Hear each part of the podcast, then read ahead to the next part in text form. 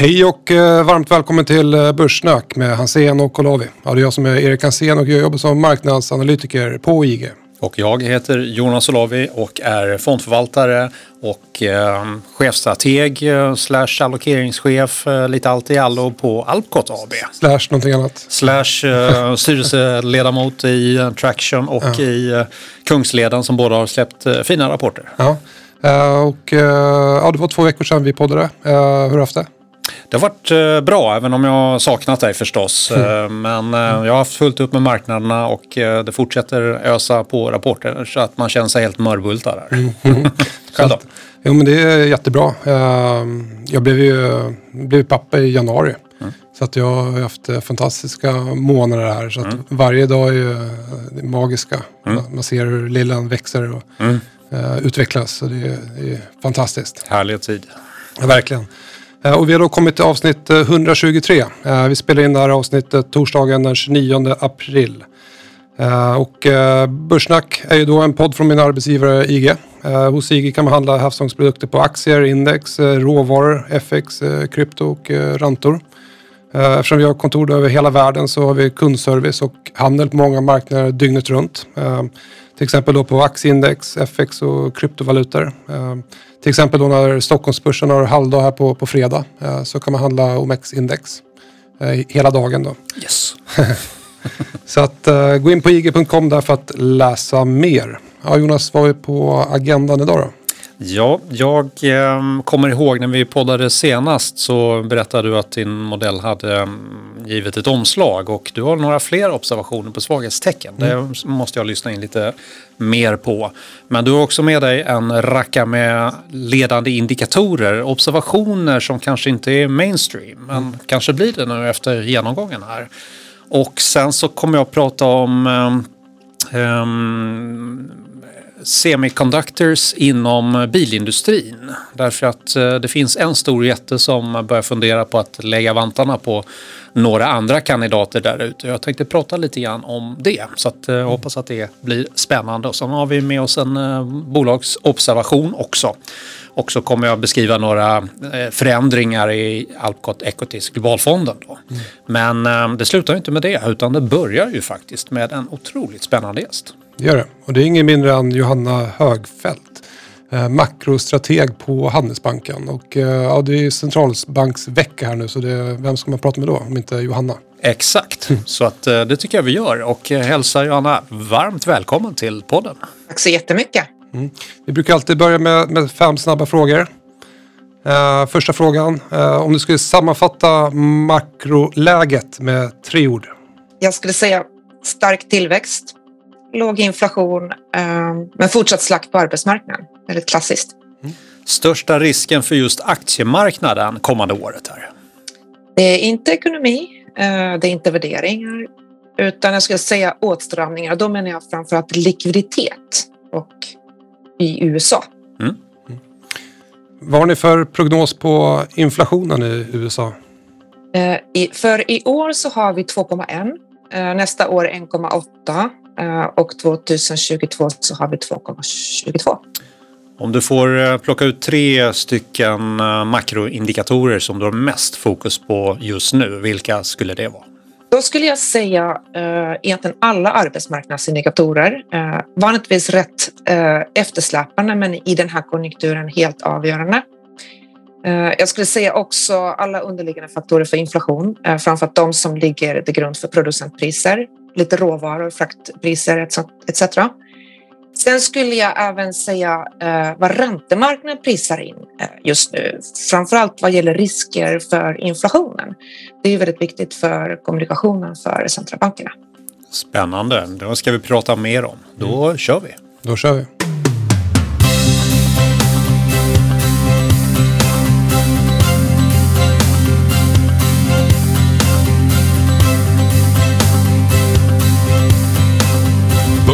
Börssnack med Hansen och Olavi.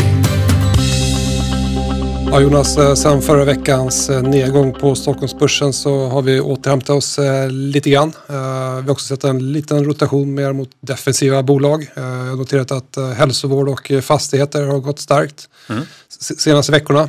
Amerikanska tioårsräntan också återhämtat sig lite grann. Eh, den toppade på 1,78 i slutet på mars, eh, föll tillbaka då. Eh, Fanns stöd vid 50 dagars glidande medelvärde och nu senaste veckan börjat återhämta sig. Vi har också då sett att FANG plus-index och semiconductors i USA har gått lite svagare då senaste veckan.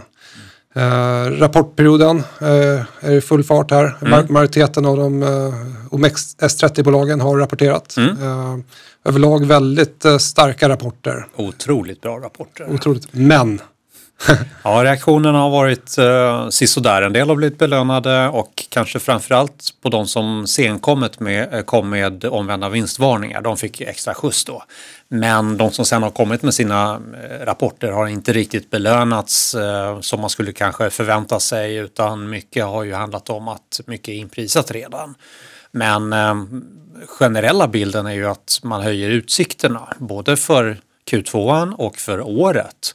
Och det har ju fått analytikerna att mm, jobba ordentligt med sina Excel-modeller då och generella Eh, synen är ju att man har höjt eh, utsikterna här så att det är jättepositivt. VDarna är betydligt mer konfidenta med utvecklingen och eh, det är ju en positiv utveckling när dels det finns massiva stöd och sen så går utrullningarna av vaccinet bra i de flesta länder om än väldigt långsamt i till exempel Sverige då.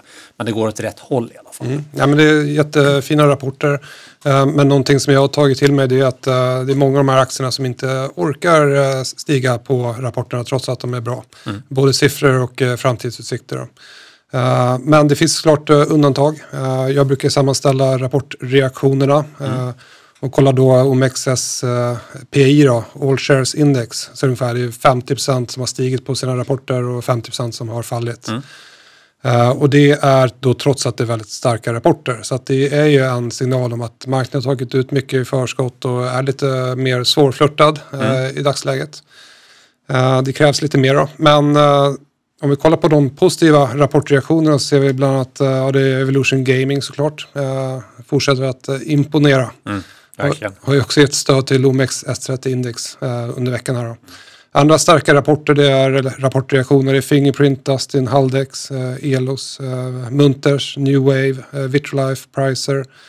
Det är Bulten, vi har Scandic Hotels, Electrolux Professional. Ett bolag som jag tror du har i din portfölj. Mm, den har jag med i portföljen. Sen har vi Saab, Autolib, Bufab och Arjo. exempel på några bolag som har stigit upp på, på, på sina rapporter. Mm. Ehm, men annars då, känslan för, för aktiemarknaden. Jag vet att du var lite mer uh, negativ uh, för två veckor sedan. Mm. Är det samma vy som du har, har kvar i dagsläget? Jag tänker på att det finns en um, säsongseffekt i marknaden som man måste ta på allvar och um, marknaden gick starkt inför rapporterna mm. och sen så mer sidledes. Den rekyl vi upplevde de senaste två veckorna den var väldigt kort. Och eh, det handlar ju om att ehm, Biden nämnde att nu var det dags att implementera, eller föreslå i alla fall, för eh, kongressen att höja skatterna. Mm, och det kommer vi prata mer med Johanna om naturligtvis, vilka, vilka skatterna är. Men det förskräckte marknaden och eh, mycket av det som då är högre värderat ehm, föll tillbaka. Då. Men det var en eller två dagar, sen var man på det igen då, då hade det fallit tillräckligt. Då har man fått den där rekylen på 3-4 procent i, i en del av de stora namnen. Sen har ju bolagen då bekräftat att utsikterna ser bra ut och jag tycker att man ska fokusera på att försöka äga bra bolag. Ehm, och det är klart att eh, det är trist om en aktie faller på rapporten men ehm, det finns flera exempel där man faktiskt har lämnat väldigt goda utsikter och kanske mer än marknaden kanske egentligen hade hoppats på, men man handlar ner i alla fall. Och eh, då ska man komma ihåg att det är bra verksamheter som kommer fortsätta generera bra kvartal under det här året. Då. Så eh, jag är inte så orolig för börsen, men fortfarande då mer försiktig eftersom vi går in i maj-lunket här nu. Och eh, det kanske inte hjälper så mycket om man kör det där gamla uttrycket då, sell in May, eh, stay away, don't come back until St. Ledger's Day, som är den 11 september tror jag i år då. Eh, utan man ska vara med, därför juli brukar ju vara en väldigt bra börsmånad. Så jag är inte så orolig, jag har en diversifierad portfölj och mm, fonden klarar sig bra också eh, i konkurrens med, med eh, de som ligger i samma slott. Då. Själv då? Du, du tittar ju lite grann på eh, en del svaghetssignaler. Du, var ju försiktig när vi träffades senast och din modell hade ju gjort ett omslag. Hur ser läget ut nu? Har den förstärkts eller börjar den bli positiv igen? Nej men uh, den börjar, nej, men den börjar inte bli positiv tyvärr. Däremot så ser jag många av de här svaghetssignalerna. Uh, jag, är inte någon som, som, som är ständigt negativ till aktiemarknaden. Jag brukar ju ofta vara positiv men jag har svårt att uh, liksom undgå de här signalerna. Och bland, bland annat då, jag kan ju dra en liten sammanfattning, bland annat så Hastigheten har ju bromsat in eh, mm. på marknaden. Det är någonting som ofta ser inför rekyler. Jag menar, ett föremål som ska byta riktning, det behöver ju ofta bromsa in innan det byter riktning. Då. Och det är samma sak för aktiemarknaden. Så vi ser uh, olika typer av momentumindikatorer som har, har vänt ner. Till exempel? Ja, men till exempel RSI eller uh, Stochastic, de här mm. veckobaserade med, med standardinställningar. Eh, sen har bredden också försvagats. Om vi kollar globalt. Eh, andel bolag eh, som handlas ovanför 200 dagars lilla medvärde. Även andel aktiemarknader globalt som handlas ovanför 200 dagars börjar vända neråt. Mm. De senaste veckorna så har vi också sett en rotation mot mer defensiva sektorer. Jag tänker på fastigheter och hälsovård. Eh, senaste tiden så har vi också sett att High Yield eh, har satt en lägre topp eh, samtidigt som S&P 500 satt en högre topp. Det är också en klassisk signal som man brukar se innan toppar. Och även Russell 2000, småbolagsindex i USA, också satt en lägre topp samtidigt som S&P 500 satt en högre topp. Det är också någonting som man brukar se innan Eh, toppar. Eh, vi ser även att eh, sentimentdata, olika enkäter som jag kikar på, är på höga nivåer och vissa uppvisar även negativa divergenser. Vilket är en, en svaghetssignal. Så det är de signalerna som ser i dagsläget. Och no några andra signaler som jag bevakar det är bland annat volatiliteten, VIX-index, även VVIX, volatilitet på, på VIX. Där ser vi en avtagande kraft i nedgången i VIX. ser nästan ut som att VIX är på väg att vända upp. Och är det så att VIX stiger eh, samtidigt som aktiemarknaden stiger, det vill säga att det är en positiv korrelation där mellan VIX och börsen så är det en negativ signal. Mm. Eh, jag väntar också på en signal i en indikator som heter Hindenburg, Omen. Eh, Oj då. Vad är det? Det är klassisk eh, kraschsystem, eller mm. ett multifaktorsystem som en kombination av eh, trend och bredd. Eh, och det brukar då ge signaler. Det ger ganska många falska signaler också. Eh, men ofta då när vi har toppar så har vi ofta haft ändå en, en trigger i det här, det här systemet. vi har inte fått det än, men det är någonting som jag kikar på. Mm. Uh, och sen har vi inte heller någonting som jag brukar se ofta när vi ser större toppar i marknaden. Det är en divergens mellan till exempel uh, börsen och timmerpriset. Det ser vi inte. Uh, timmerpriset rusar. Mm. Visserligen av kanske lite andra anledningar än vanligtvis. Då. Så det finns en del saker som jag fortfarande väntar på. Men överlag så är det ganska mycket så svaghetssignaler om man kollar under huven på index. Mm. Jag var förresten och spelade golf och i bollen så gick det en kille som var representant för Eksjöhus. Alltså? Som ju bygger modulhus. Ehm, och han har gjort det i 19 år. Han har aldrig sett så hög efterfrågan. Mm. Så det säger kanske någonting om att timmerpriset fortsätter nog att vara ganska starkt. Då. Ja, verkligen. Uh, och jag menar, det, timmerpriset är ju sån här ledande indikator på ekonomin i USA. Mycket småhus som byggs med, med timmer. Uh, den och uh, sentimentet, uh, Housing Market Index, brukar vara en bra ledande indikator. Just det. Housing Market Index har faktiskt vänt ner de senaste månaderna. Mm. Men timmerpriset fortsätter stiga. Mm. Hade du, vi pratade lite grann om andra ledande indikatorer. Ja. Mm, vilka är det som du har fångat upp där som kan vara intressanta att titta på? Ja, nej men jag pratade om en, uh, här jag la ut en liten video på, på Twitter i veckan, uh, just uh, leveransjätten uh, UPS kom med en rapport.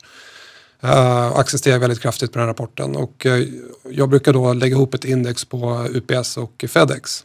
Eh, den brukar nämligen leda eh, tillväxten i världshandeln. Mm. Eh, aktiemarknaden är väldigt snabb på, på att prisa in, är framåtblickande. Mm. Andra sådana här klassiska ledande indikatorer, det är ju, förutom timmerpriset så är det Dr. Copper. ser fortsatt styrka i kopparpriset. Mm. Uh, en annan sån här ledande indikator som, som, som många kollar på förut det var faktiskt auktionsbyrån uh, Sotheby's. Jaha. Uh, men den, uh, bolaget är utköpt från, från börsen mm. 2019 så det kan jag inte kolla på dagsläget.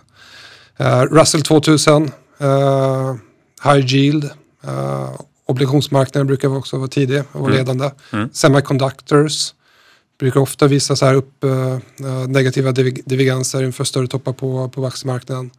Dow Jones transportindex, också så här cyklisk indikator som mm, ofta är absolut. snabba i, i vändningarna.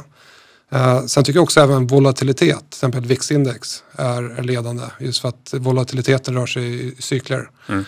Uh, så det tycker man ska kika på. Mm. Intressant. sen för, för svenska bostadsmarknaden då har jag faktiskt eh, femåriga bostadsobligationen eh, som en ledande indikator. Mm. Bostadsobligationen brukar nämligen leda bostadspriserna med ungefär sex månader. Och vart är priserna på väg? Eh, kommande sex månader så förväntas priserna vara stabila. Okay. Eh, jag kan lägga ut en graf på det på Twitter. Mm. Intressant. Jag kan också då bidra med en liten analys på um, bolag inom halvledarsektorn som eh, skulle kunna bli lite intressanta att titta på framöver. Mm. Du har ju mm. säkert hört om att eh, det är svårt att få fram um, chip, datachip. Mm, jag läste någonting om det. Mm. Och eh, då är det så att Samsung som är en av eh, världens största techbolag har som uttalad strategi att eh, ehm, stärka sina positioner inom fordonsindustrin då och det är ju då chip vi tänker på här då. Och då ehm, får man ju snabbt titta igenom vilka är ledande, vilka skulle kunna vara möjliga för ett utköp av Samsung. Då. Ja, det största bolaget är Infineon som köpte ehm, Cypress. Och Cypress har väldigt stor um, bilexponering och Infineon är ju ett bolag i, i Tyskland som man kan handla där.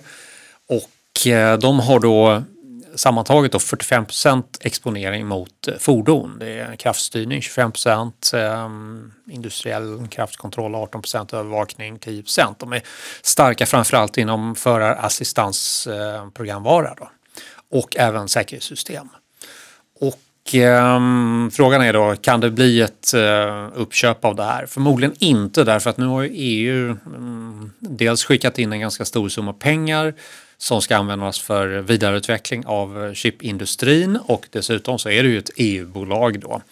Och eh, det är så att EUs initiativ är på 145 miljarder euro som då ska planteras in i eh, de här halvledarbolagen. Så att, att ett eh, bolag utanför EU som skulle få lov att köpa det känns inte så sannolikt då. Jag äger lite um, Infineon i fonden och uh, tycker att de sköter sig väldigt bra. Infineon det är väl också det bolag som man uh, ska köpa om man tror på elbilstrenden. Exakt, precis. Och det är ju där som efterfrågan är som störst då. Alla hybrider, alla elbilar. Um, så det är där som eh, stora numret är och eh, på en analys från JP Morgan så räknar de med att det är där dragkraften kommer vara de kommande åren. Det ligger högre än många andra segment här så det gäller att veta vilka chip och var de används så att säga. Ehm, näst störst är NXP Semiconductors och de är då stora produkter inom infotainment och eh, förarassistans. Då. De har ju även paddor och trådlösa stationer och annat sånt där. Då, smartphones. Um, har väldigt stor fordonsexponering framförallt i Tyskland och Italien.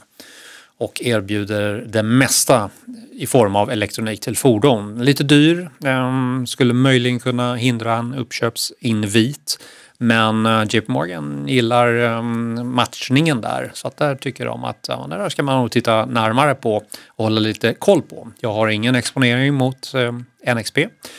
Texas Instrument. På min tid eh, när jag gick i skolan så mm, kommer jag ihåg att det var en miniräknare som var onödigt krånglig som man aldrig kunde backa ur när man hade tryckt på fel mm, knappar som ligger över ens mattenivå då. Men nu för tiden så är det ett helt annat bolag. De ehm, säljer ju analoga halvledare som utgör ungefär 70 procent och eh, sen inbyggda processorer för ungefär 20 procent. De har 20 procents exponering mot eh, bilmarknaden Och eh, används bland annat då i drivlinor för hybrider och elbilar. Det är ett väldigt lönsamt bolag. Det är kanske ett av de lönsammaste i sektorn. Då. Men det är väldigt, väldigt stort så att förmodligen skulle Samsung inte våga sig på eh, bolaget. Jag har ingen exponering mot Texas Instrument, kanske skulle haft det. Ett annat bolag, eh, ST Microelectronics. Ehm, och de producerar integrerade kretsar för analoga och digitala mixade signalapplikationer och eh, Automotive ungefär 30 procent av bolaget så att det är relativt stor andel. Ehm, men hindret är att ehm, det här är ett bolag inom EUs gränser så att det här skulle förmodligen bli svårt för Samsung att köpa upp då. Men ändå intressant, bra matchning enligt eh, JP Morgan. Så finns det ett eh, annat bolag som heter Microchip och de gör minikontroller och eh, ja, signalprodukter. De har en extremt diversifierad kundbas och ingen kund utgör mer än någon eh, enstaka procent. De har inte så stor um, automotive exponering så förmodligen så är det ingenting som um, kan vara intressant för dem. För att i Samsung, de köpte ett bolag som heter Harman och det är de som då jobbar, jobbar mot eh, OEMs till exempel och där har inte Microchip så stor eh, exponering och det är heller inte ett bolag som jag äger. Ett annat bolag som de har identifierat som eh, spännande det är Marvel Technologies som jag äger i eh, Alpcot Equities. Det här har um, inte så stor exponering mot autos men de är väldigt starka på kommunikation och uh, basstationer så att mixen med Samsung utanför autodelen skulle kunna vara en bra match. Eh, och det här är då uppgifter och analyser från JP Morgan. Då. Så att det kan vara intressant um, för andra aspekter. Och som sagt, jag äger lite grann av Marvel Technologies. Och uh, den sista som jag tänkte nämna är Analog Devices.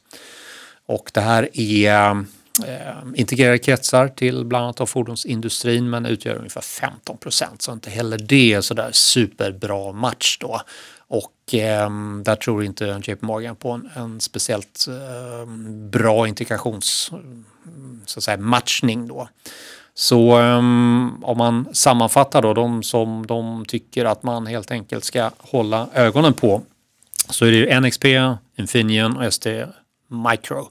Eh, men det finns politiska eh, hinder. Men eh, rätt skött så skulle det kunna vara potentiella uppköpskandidater. Mm. Allt enligt JP Morgan. Mm. Spännande. Ja, Jonas, det känns som att du blir någon halvledarexpert. Ja, det är svår materia men man försöker så gott den kan. Ja, hur mycket halvledare har du i portföljen nu då? Jag har uh, 17-18 procent ja. halvledare. Det kommer snart en ny månadsrapport ut nästa, ja. nästa vecka. Okay. Så kommer jag berätta mer om hur den ser ut då. Det kan man ju ladda ner och läsa. Ett, ett bolag som jag pratade om i DTV för ett par veckor sedan var försvarsbolaget Saab. Mm. Um, kom med en eh, stark rapport här eh, förra veckan uh, och uh, marknaden belönade också rapporten med att handla upp aktien. Ett bolag som kanske inte du kan ha i din portfölj. Nej, vi har inte vapenleverantörer till exempel. Det är en väldigt mm. utpräglad ESG-inriktad global fond. Så att inga Saab. Inga Evolution Gaming heller? Nej, tyvärr kanske. med tanke på kursuppgången. Men hur som helst de visade då en uh, försäljningen steg organiskt med 14 procent. Uh, försvarssidan är dragloket där eh, medan civilsidan är fortsatt uh, relativt svag. Men det som, som jag tycker är intressant är att, att, att vi fick en positiv rapportreaktion och att det här är en aktie som har laggat börsen. Egentligen inte visat någon tydlig trend senaste halvåret. Handlas på P 12 15 nästa år. Uh, nu tycker jag det ser ut som att aktien är på väg att bryta upp. Uh, på väg att bryta en fallande trend från 2018. Uh, eh, de fick här igår ett kontrakt från amerikanska marinen på 71 miljoner dollar. Mm. så att fler och fler positiva signaler för, för Saab, tycker jag. Jag tycker bara det är svårt att räkna på bolaget i och med att orderingången är ju väldigt svår att uh, göra ordentliga beräkningar på. De lägger ut uh, offerter och det är ju framförallt då eh, um, JAS som är stora numret såklart då och det blir stora, stora intäkter när det väl blir affärer av det. Men uh, det är mycket politik snarare än att man köper ett framgångsrikt flygplan då. Så att, eh, det är väldigt svår materia att, att räkna på. Men jag ser, jag ser vad du säger. Den ser tekniskt sett eh, spännande ut där. Så håller på att bryta upp lite grann. Ja. Vad tycker du om att köra samtalet med Johanna? Det gör vi.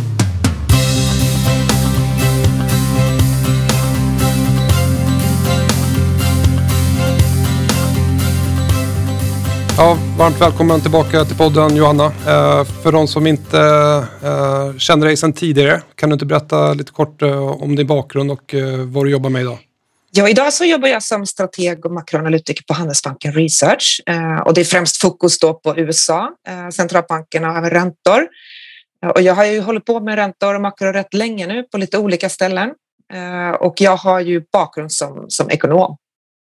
Och du jobbade många år också på Riksbanken, eh, såg jag. Var, jag vet att du, du placerar räntor, eh, kanske handlade även FX. Eh, kan du inte berätta hur det fungerar att handla räntor och valutor hos Riksbanken? Ja, det stämmer.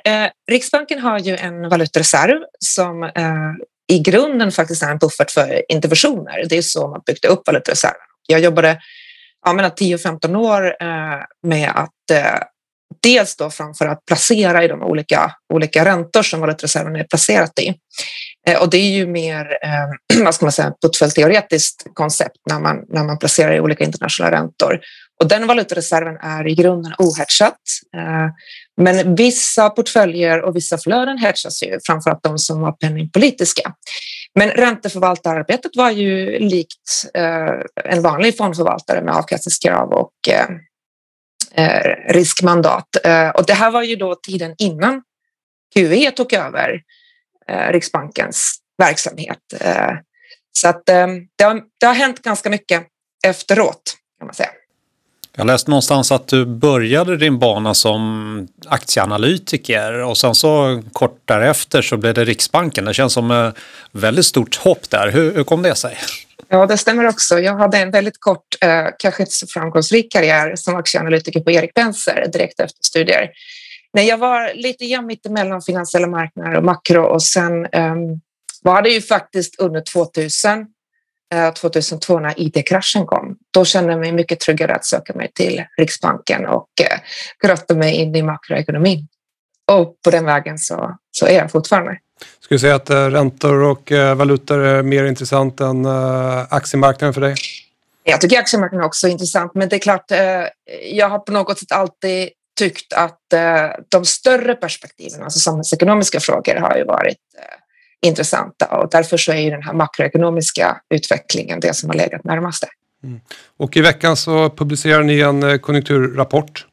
Om du skulle sammanfatta rapporten, vilka är huvudpunkterna? Då skulle jag säga att vi ser en kraftig rekyl i tillväxten. Eh, den är visserligen ojämn mellan regioner. USA leder ju naturligtvis på grund av vaccinationen och de enorma stimulanser. Och den här rekylen stöds ju av eh, privat konsumtion eh, primärt eh, och också de enorma besparingar som har byggts upp under pandemin. Vi tror dock att det finns en Eh, Eh, det kommer att ta längre period egentligen innan de ackumulerade besparingarna kommer att användas. Eh, så att det kommer ju gynna konsumtionen även längre ut. Eh, och det är klart, generellt kan man säga att vi ser mer uppsidesrisker i ekonomin om, om konsumenterna skulle konsumera ännu mer. Men samtidigt så ser vi inte heller någon vad ska man säga, inflationsrisk byggas upp, utan inflationen fortfarande är lätt av tillfälliga faktor, faktorer. Eh, och det krävs ju framför allt att de här tröga underliggande bitarna börjar röra sig, till exempel som lönerna. Och det är långt kvar tills vi ser eh, trycket komma därifrån. Är det inte så att konsumenterna generellt sett eh, försöker förutspå vad eh, statsmakterna ska göra och någon gång där framme när nu det kommer så kommer man ju rulla tillbaka en del stöd. Mm. Ehm, och då kanske det inte känns som att man har så mycket på banken som man kanske gjorde innan. Ser du det som en återhållande effekt eller en osäkerhetsfaktor för tesen som ni har att det blir en förlängd konsumtionskurva? Ehm, det vill säga, frågan är blir det verkligen så stark tillväxt eh, här bortom 2022 framåt? Mm. Eller vad tror ni? Nej men absolut, och det finns ju stimulanser generellt eh, man räknar med de här multiplikationseffekterna och det är klart alltså även en sån här eh, enorm eh, vad ska man säga, direkt stimulans till hushållen som sker i USA kan ju också tolkas lite grann som en engångsskattesänkning, det vill säga att man vet att det kommer vara tillfälligt. Vi har inte räknat eh, vi har räknat absolut, absolut en enormt liksom, kraftig konsumtionsspike under Q2 och Q3 framför allt som ligger ungefär på 6 procent i USA. Men det är rätt många som har räknat med ännu större konsumtionsökningar. Eh, och det är klart, det finns ju alltid en, en risk att man i slutändan skulle vilja spara mer. Men om pandemin eh, vad ska man säga, försvinner från vår vad ska man säga, riskzon så finns det ju bra förutsättningar att konsumenterna vågar konsumera. Och framförallt att vaccinationen har ju eh, kommit, kommit så långt så att man inte längre behöver leva i den osäkerheten. Det är klart, det förutsätter också såklart att arbetsmarknaden successivt eh, fortsätter att återhämtas. Mm. Och eh, senaste halvåret så har stigande inflationsförväntningar och även stigande nominella långräntor varit ett stort tema för marknaden. Om vi försöker blicka lite framåt, eh, vad tror du blir nästa tema som marknaden kommer att eh, fokusera på? Jag tror faktiskt man kommer fortsätta, fortsätta att fokusera på eh, stimulanser. Eh, nästa tema blir ju såklart sen när man ska göra exit av allt det här och huruvida man ens kan göra exit. Då, då framförallt pratar vi om finanspolitiska stimulanser som man i dagsläget vet att inte kan bli för åtstramande för fort för att då riskerar man ett bakslag. Men jag tror att vi kommer att kretsa kring, kring eh, den ekonomiska återhämtningen, alltså takten och hur lång tid det tar och även då hur stimulanserna parerar eh, tillsammans med den här ekonomiska utvecklingen. Det var ju ett Fed-möte här igår på onsdagen. Vad tog du med dig? Var det någonting som överraskade dig? Egentligen inte, eh, det är väldigt tydlig med sitt budskap. Att vill, eh, de vill ju se en tydlig förbättring innan de börjar signalera om, om tapering som ligger först så att säga i deras eh, först i, vad ska man säga, på tapeten så att säga vad gäller åtstramningar. Eh, och eh, de har ju två olika målsättningar, inflation och eh, arbetsmarknad, där de har ändrat sitt budskap lite grann. Dels inflationen ska ju numera bli eh, i genomsnitt över 2 procent och arbetsmarknaden ska vara mycket mer inkluderande. Eh, och det är de ganska tydliga med, att vi är långt ifrån eh, de målsättningarna. Men viss Eh, förbättring har de ju sett i ekonomin och de har ju öppnat lite kommunikationen kring de här förbättringarna. förbättringarna. Det är så de kommer jobba längre fram helt enkelt. De kommer ändra kommunikationen och säga vissa ord som, som indikerar att de ser att eh, vi har sett en viss förbättring, kanske till exempel på arbetsmarknaden. Men annars så är de väldigt, väldigt fast beslutna liksom, att fortsätta stimulera. Även om de, eh, som du säger, är tydliga i, kommunikationen, vad, vad, tycker du om just det här inflationsmålet om att eh, inflationen ska då vara en bit över 2% under en utdragen period? Kan inte det också vara lite luddigt eller tycker du att det också är, är tydligt? Det är absolut luddigt för att de har i dagsläget inte definierat hur mycket och hur länge den ska, den ska stiga över målet. Det är också strategiskt väldigt lätt, rätt för dem för att de skapar flexibilitet med, med det och i dagsläget kanske de inte exakt vet hur länge de vill se inflationen över målet. Eh, men generellt kan man väl säga att eh, centralbankerna har ju kämpat så otroligt länge med för låg inflation så det är rätt naturligt egentligen att de idag vill se en, eller tolerera en viss överskjutning av inflationen. Men om man tittar på er konjunkturprognos så sa ni 2,1 procent på amerikansk inflation. År, ja. Ehm, mm. Och sen så sjunker det då till vad du sa 1,7-1,8 någonstans nästa mm. år. Det känns ju inte som mm. det är så vida över 2 målet där. Ehm, och som sagt 1,7 då ligger de ju under målet igen då. Det innebär ju väl förmodligen att de måste fortsätta stimulera längre tid. Hur ser prissättningen på marknaden ut? När kommer till exempel första mm. räntehöjningen som den ser ut just nu? Marknaden har ju i, under senaste två veckorna faktiskt plockat bort lite av räntehöjningar eh, och sen så har de ju flyttat fram den första höjningen till första kvartalet 2023. Eh, och vi ligger väl lite, vad ska man säga, efter marknaden eh, eh, i den här tron. Dels då på grund av den här inflationsprognosen. Vi tror att det är tillfälliga faktorer som, som driver på inflationen i år och vi kommer knappt över de här två procenten. Men sen ser vi en tillbakagång på grund av att vi kommer få liksom de omvända baseffekterna nästa år. Eh, och då kommer inflationen sjunka eh, under målsättningen. För att sen ja, mot 2023 igen klättra uppåt och då också lite mer i paritet med att vi ser en liksom, ekonomi som normaliseras och arbetsmarknad som i slutändan kommer att eh, komma ikapp. Eh, och då ser vi faktiskt inte höjning först i slutet av 2023. Så det är efter marknadsprissättningen. Mm. Om man ska betala tillbaka skulder så kan man ju då betala tillbaka dem eller man kan öka produktiviteten eller så kan man uh, låta inflationen stiga. Kan mm. det vara så att uh, man nu försöker sig på ett experiment och trycka upp inflationen, inflationsförväntningar, allt man kan men um, tillämpar antingen verbal eller faktisk yield curve control för att betala av? Eller det, är det en fantasi? Så de, de tänker inte så kanske, eller? Nej, men någonstans så, så är det ju väl inte helt eh, dum idé i den ekonomiska utvecklingen som vi befinner oss att man låter inflationen liksom stiga lite grann men fortfarande håller räntorna låga för att stimulera. I USA så har man, har man ju också en situation där man kommer att ha en ökat budgetunderskott och en enorma stimulanser och man kommer att behöva finansiera via, via statsskulden. Och, och, om man ska vara lite konspiratorisk så, så tänker man sig så här att om man nu är Fed eller, eller Treasury så vill man inte att räntorna ska stiga alldeles för mycket för att det ska bli för jobbigt. Eh, men återigen så, så är det ju så att eh, centralbanken har ju verktyg för att hantera eh, en högre inflation. Eh, de har däremot brist på alternativ att hantera en för låg inflation. Så det är det som är till grund nu att flera flera har öppnat upp för att man kan tolerera en överskjutning. USA har ju varit väldigt tydliga med det, men vi har även sett den diskussionen från Riksbanken eh, där liksom exempel Jansson har pratat om att inflationen i genomsnitt skulle kunna skjuta på de här två procenten. Eh, så att eh, jag, tror att det där är liksom en allmän, allmän vad ska man säga, trend, en mjuk trend bland centralbankerna och för att de ska lyckas med det så handlar ju allt om förtroendet, precis som allt som centralbankerna gör. I dagsläget finns det ingenting som talar för att de inte skulle ha det förtroendet. Det finns ingenting i prissättningen idag som tyder på att det finns oro egentligen för inflation. Mm. Och stigande nominella långräntor har ju verkligen också varit ett tema för aktiemarknaden och väckt den här eh, diskussionen kring just value och growth-aktier.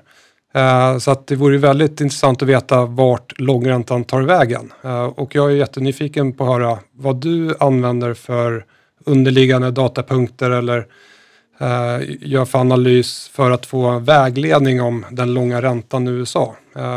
Vilka är liksom drivkrafterna bakom den och att, liksom, viktiga att ha koll på? Alltså generellt, rent teoretiskt, långa räntorna, det finns ju egentligen framförallt två, två faktorer. Det är inflationsförväntningar, den nominella tillväxten. Eh, och sen är det ju naturligtvis då ränteförväntningar som mest styr den korta ändan. Sen så har vi ju idag massa andra faktorer som är då framförallt utbud och efterfrågan som styr väldigt mycket också.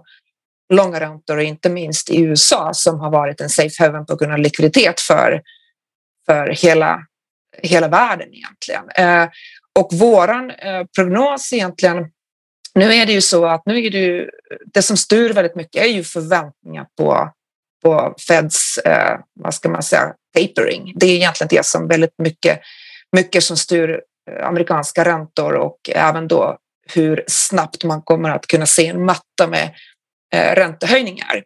Men eftersom vi har en ganska ganska, ganska duvaktig prognos i dagsläget, om man tittar på nästkommande två år i alla fall, för Fed så har vi inte så kraftiga eh, höjningar eh, eller förväntningar på ökade långräntor i USA heller, utan snarare vi kan ju se under 2022 att vi kanske kommer tillbaka lite grann. Vi kanske toppar någonstans över kring 2 men kanske kommer tillbaka någonting när marknaden börjar plocka bort en del av de här eh, förväntningarna på höjningar som vi tror inte kommer först i slutet av 2023.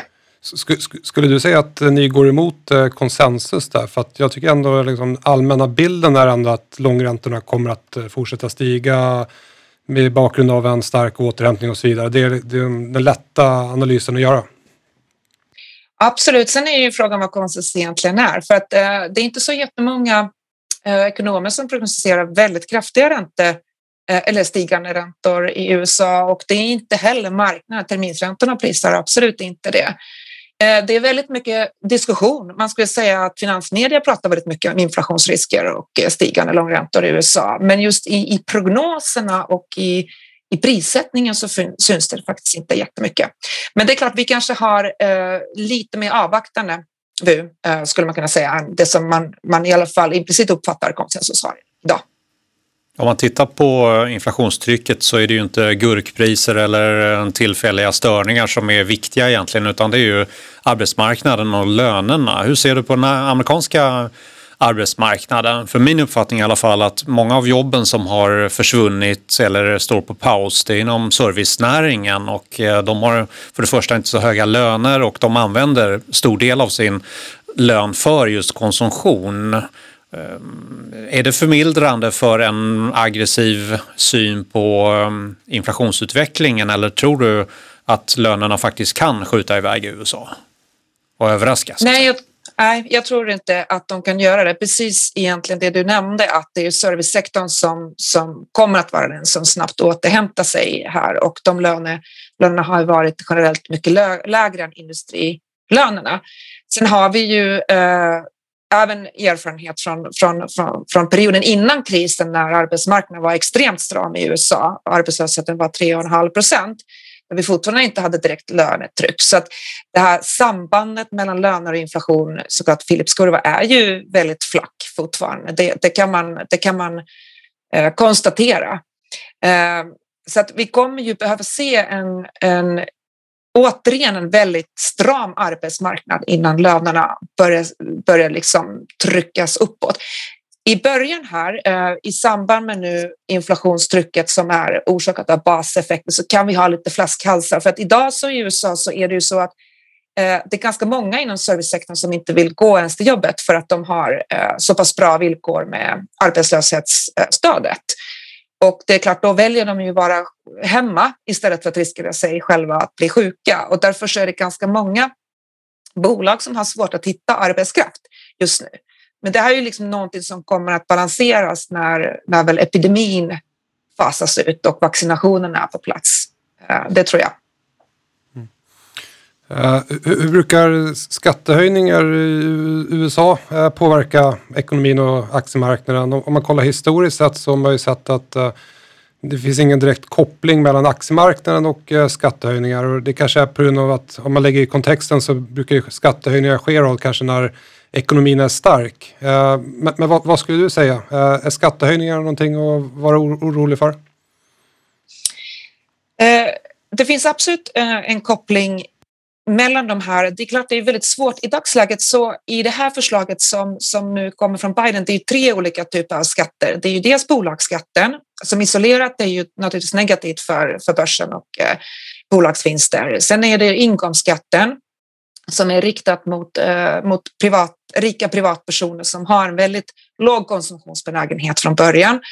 Och sen är det då kapital, kapitalskatt som är också bara primärt för, inriktat mot de, de väldigt rika personer. Och, och eh, på grund av det att eh, man inte tror kanske att eh, de här inkomst och kapitalskatterna kommer påverka så jättemycket konsumtionen och därmed tillväxten för att det är ju återigen då personer som inte spenderar så mycket pengar så kanske inte har så jättemycket negativ effekt på, på BNP-tillväxten.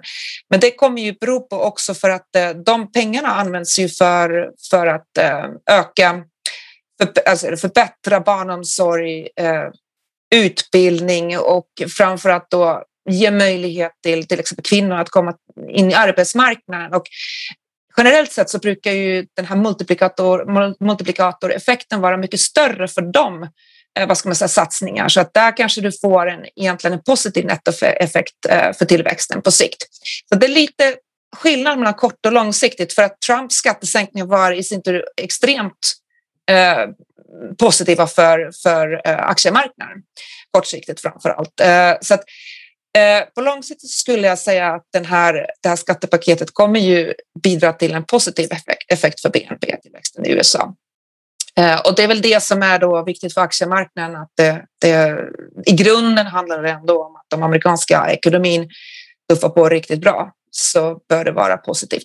Skulle jag säga. Viss progressivitet är ju alltid bra för, för den ekonomiska tillväxten i ett land. Du har ju hållit på med makro eh, ganska länge då och jag tänker på förändringsarbetet, indikatorer och annat. Är det nya sätt av um, indikatorer som ligger i era prognosmodeller nu? Mer högfrekvensdata till exempel. Du representerar ju en bank dessutom som ju har uh, kontokortsuppgifter uh, och sådana här saker. Är det någonting som ni makroekonomer tittar på också? Nej, men absolut. Den här krisen har ju... Eh, man har ju behövt titta på annan typ av data framför att kunna se aktiviteten i ekonomin och hur, hur just de här svängningarna fram och tillbaka. Eh, så det har tillkommit som absolut en helt ny faktor och kommer säkert finnas kvar också i, som ett underlag i analysen framöver. Sen kommer man säkert inte se lika stora fluktuationer i den framöver eh, när vi väl någon gång går tillbaka till någon typ av normal aktivitet.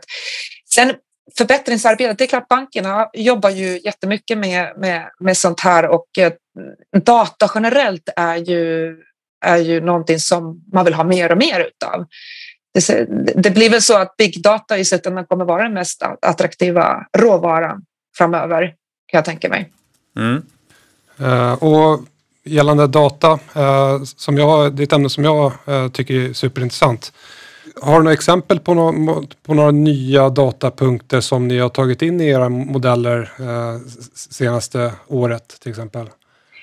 Just vad gäller modeller så har vi kanske inte tagit in så jättemycket eh, nya dataserier. Det är också så att eh, när man arbetar med modeller så vill man gärna ha ganska långa historiska serier eh, och mycket av de här det finns ju lite aktivitetsindikatorer som har tillkommit som även Statistiska centralbyrån har publicerat. Det blir ju svårt om inte du har långa dataserier. Så att jag tror att eh, det är möjligt att man kommer eh, utveckla modellering lite annorlunda framöver eh, när vi går från det här skiftet eh, mellan, eh, alltså före och efter pandemin eh, med lite adderande data. Men just nu så har vi inte ändrat direkt just modellarbetet. Däremot så kompletterat med de här högfrekvent data och aktivitetsindikatorer som finns tillgängliga. Du har hållit på med makro länge som jag nämnde där och ibland så hör du säkert att folk säger generella sanningar som uppenbarligen är fel. Vilka missuppfattningar finns det där ute som du stöter på? Det är svårt. Det är ju, det är ju så att eh, det är väldigt lätt att eh, dra slutsatser fel eftersom hela världen har ju förändrats på något sätt och många av sambanden inte gäller heller. Men man skulle kunna säga en sak som har med eh, just penningpolitiken att göra, just det här med hur man sänker räntor och hur man uppfattar egentligen att så fort centralbankerna sänker räntan så är det ultrastimulerande penningpolitik. Men i, i slutändan så måste man jämföra den styrräntan som, som centralbankerna har med den så kallade neutrala räntan, den här R-stjärna som man pratar om. Eh, för att om inte den neutrala räntan eh, eller om den sjunker snabbare än egentligen styrräntan sjunker så är inte penningpolitiken så stimulerande som den ser ut att vara i slutändan. Man pratar väldigt mycket om billiga pengar så fort centralbankerna styr ränta, eller sänker räntan. Men i, i slutändan så handlar det om att man måste jämföra med någon typ av jämviktsränta som, som, i, som, som är liksom en, en, en skattning av de potentiella ekonomiska faktorerna. Just det. Eh, och det är väl det man kanske inte tänker på så jätteofta. Mm, intressant. Vi tar några avslutande frågor här. Vilka mm, insikter har du idag som du önskar att du hade för tio år sedan? Säg? Eh, ja, jag tror att jag skulle velat förstå eh, ännu bättre hur, vilken kraft centralbankernas stimulansåtgärder har och den här enorma likviditeten eh, har på tillgångspriserna. Eh, jag kan bara backa tillbaka till 2008. Jag fortfarande satt själv på Riksbanken och eh, 17 september kom in på måndag och eh, efter Lehman-kollaps såg att eh, korta räntorna var på 15 procent, trodde att hela världen skulle gå under. Och vi arbetade extremt hårt då för att få ut de här dollarlånen till exempel till svenska banksystemet. och de enorma likvid, alltså likviditetsstöden som, som, som kom och även då eh, sänkta räntor kollektivt från centralbankerna världen över. Eh, det underskattade jag eftersom jag själv i den situationen till och med också satt eh, kort på bostadsmarknaden.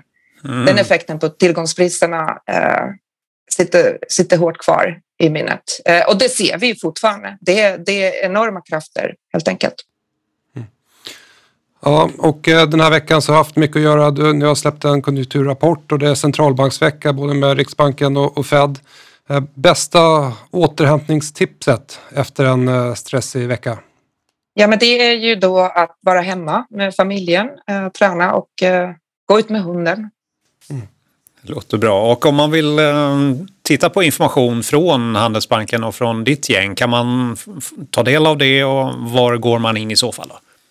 Man går in på Handelsbanken och eh, Handelsbanken Research. Allt finns där. Okej. Okay. Suveränt. Stort tack för att du gästade podden. Tack så mycket. Tack så mycket.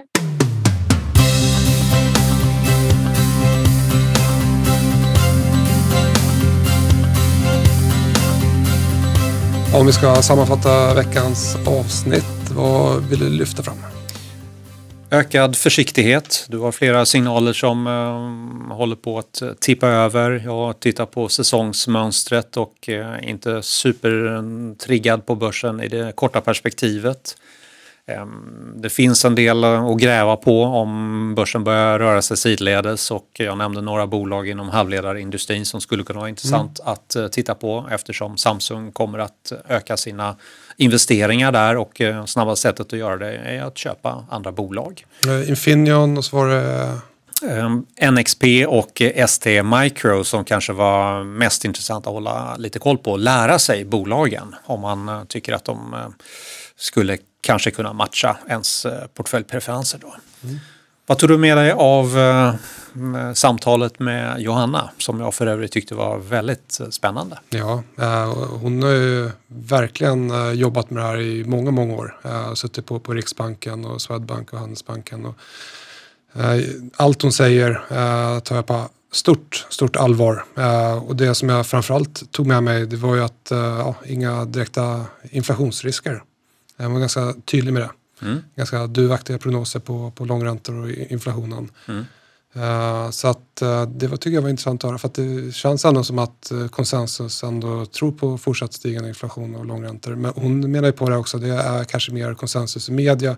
Kollar man på prissättning i marknaden så ser bilden lite annorlunda ut där. Mm. men övrigt så nämnde hon att det är en ganska ojämn rekyl i återhämtningen. Den är inte så synkroniserad utan det är stora skillnader på olika regioner. Mm. Uh, USA går ju betydligt mycket starkare än till exempel uh, Europa. Nästa tema för marknaden tror de var uh, finanspolitiska stimulanser. att, när de ska göra åtstramningar i finanspolitiken. Då. Just det. Och hon pratar om eh, multiplikatoreffekten, ehm, snarare uppsidesrisker mot deras väldigt duaktiga analys. Mm. det tycker jag, jag håller med om det. Men man tar ju fasta på att man inte pratar som finansmedia som verkligen försöker väcka eh, någon ny typ av trend och det är inflationen som kommer att stiga jättemycket och räntorna där också. Vi kommer alla bli fattiga för tillgångspriserna ska gå ner. De var mycket mer nyanserade vad gäller den bilden. Man räknar med att ja, det skulle kunna rulla på här och bli lite starkare än vad de förväntade sig. Mm. Och det är framförallt eh, arbetsmarknaden eh, som hon studerar. Mm. Eh, för att få en uh, indikation på uh, centralbankspolitiken där. Mm. Och det har ju också Fed sagt att de behöver få full sysselsättning innan de börjar överväga eventuella åtstramningar. Mm. Eller överväga att eventuellt överväga. Mm. Får vi se hur, hur, den kommunikationen kommer se ut här under året. Hon nämnde att data, att det blir mer och mer intressant även mm. för henne som makrostrateg. Då. Mm. Och att big data kanske är vår mest attraktiva eh, råvaran eh, som finns där ute. Mm. Hon nämnde ju en, eh, att det har kommit lite aktivitetsindikatorer som de kikar på från SCB, då, Svenska centralbyrån. Mm. Så att det har blivit mer och mer, även om de inte har med dem i modellerna i dagsläget, då, så är det datapunkter som de har börjat studera. Just det. Och en så här vanlig sanning, eller som hon nämnde på din fråga, var ju just styrräntan att man måste jämföra med neutrala räntan. Eh, lå- låga räntor behöver inte alltid vara stimulativa utan det gäller att jämföra med neutrala räntor. Mm. Och sen var det också intressant att eh, höra på hennes eh, dag på dagen efter Lehman Brothers. Där korträntorna var uppe på 15 procent och hela havet stormar. Det är mycket pengar att hantera på Riksbanken. Och, eh, är det ett jobb som du skulle vilja ha en sån där dag? Ja, det är inte då man eh, drar till golfbanan. Nej, jag tror inte det. 18 år. Ja, med de orden tycker jag vi rundar av eh, dagens sändning. Eh, bolag som nämns här är ju såklart inga rekommendationer, det är observationer. Du gör ditt eget jobb och eh, vill du eh, titta in mer på vad Handelsbanken har att erbjuda så googla in på deras hemsida och abonnera på deras fina makro rapporter. De har högt anseende i marknaden. Vi lägger också ut en länk till konjunkturrapporten i poddbeskrivningen. Så hittar ni den där. Och med de orden, ha en riktigt trevlig helg. Trevlig helg. Tack och hej.